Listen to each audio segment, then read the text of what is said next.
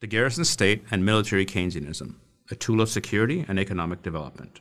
And if we have ruled only with our books, and if we have prevailed only with our talents, and if we have oppressed, it has only been with our wounds. Paruyr Sevak, from We Are Few, but We Are Called Armenians. Enough of such sentiments. Next time we prevail, it will be using the deadliest weapons we manufactured, used by the meanest and best trained men and women to have ever walked the earth. Armenia needs a new military. The goal of our new national defense should be to rebuild a military that is capable of defending Armenia and the people of Artsakh against the most competently led and armed opponents. To achieve this goal, for the next 20 years, we must become an army that has a country rather than a country that has an army. Our national security should be the first, second, and third priorities of the state. All domestic policies, from education, energy, and food security, should be seen through the prism of national security. There are two important corollaries to this approach. The first is that regardless of this change in priorities, the military must always remain subservient to civilian and democratic governance. Just as importantly, the reorientation should not be a drain on our national economic resources, but actually be the basis of a growing economy. This will ensure that we bring back industry, science, and research. We must begin with a serious study of the failures of the Artsakh 2020 war. We need a reform commission. A look into our failures will provide critical recommendations to reform and modernize the Army. There are countless examples of such military reforms in our region that we can learn from. The Russian military implemented a reform after its underperformance in the 2008 war with Georgia. The Israeli Winograd Commission studied the Israeli failures in the 2006 war against Hezbollah in Lebanon. All roads in reforming the military will likely lead to the creation of a military industrial complex. The focus will be on the weapons of tomorrow, communication, robotics, drone, and anti drone technologies. The key to establishing the industry is a multi year commitment written into law. This law should mandate a certain percentage of the procurement budget to be spent on local products that are competitive to the quality of foreign based hardware. In order to speed up military reform, we need to begin outsourcing activities that do not involve soldiers carrying weapons. The outsourcing of food services to the private sector has been one of the most popular actions taken by the current government. There is no reason why we should not outsource to our efficient service and tech sectors the management of military hospitals, communications, logistics, electronics, and signals intelligence will be better managed and more competent. This will allow our proficient people in the private sector to immediately upgrade our military. Ordinarily, the state is the biggest buyer of services in every country in the world.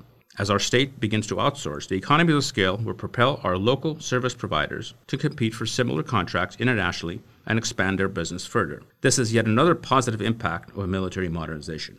We need to create a synergic loop between economic growth and military modernization, in which military reform and modernization expands the economy, while economic growth enables us to invest ever greater resources into our military modernization programs. Another element of reform we should consider is doing away with military conscription. We should create a small army of professional soldiers heavily focused on special forces with an emphasis on speed, mobility, and air superiority. The greatest fear of all parents in Armenia today is that their children will be forced to serve in an army run by corrupt and incompetent commanders who know nothing about modern warfare.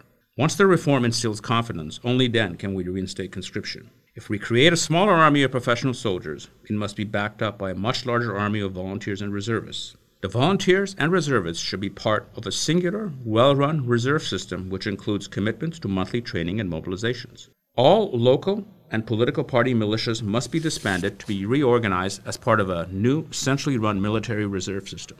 As we create the new weapons of tomorrow from our own locally manufactured drone and robotic industries, we must increase the role of women in our armed forces that can run these systems guarding our borders. They can run the remote controlled weapons and monitoring systems of tomorrow. One way to accomplish this is to move the most effective people from the useless state bureaucracy to the military ranks through compulsory competency exams and other such markers. We must also consider the establishment of an Armenian Volunteer Legion. There are thousands of ethnic Armenians that have served in the Russian, Syrian, French, and other Western militaries. Their experience, especially while serving in urban combat, is invaluable in reforming and upgrading our armed forces. At the same time, as we learn to tell our story, we can attract numbers of idealists who understand our struggle in universal terms. The truth is that our borders to the east and west of us are civilizational in nature and not simply state boundaries.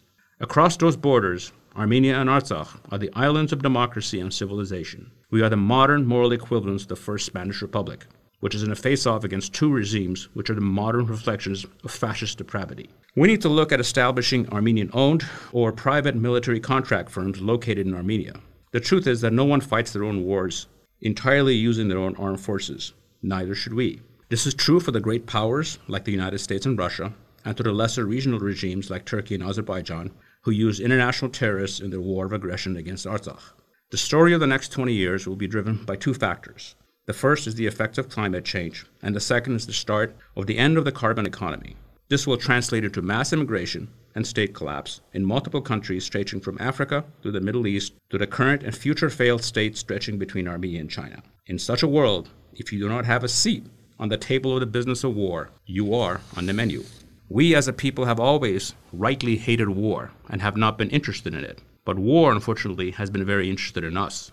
We have paid the price for trying to be a cultural light to the world for millennia, while always demanding moral and universal justice from a cruel world. The lesson of those 44 days last year was that that kind of thinking needs to end.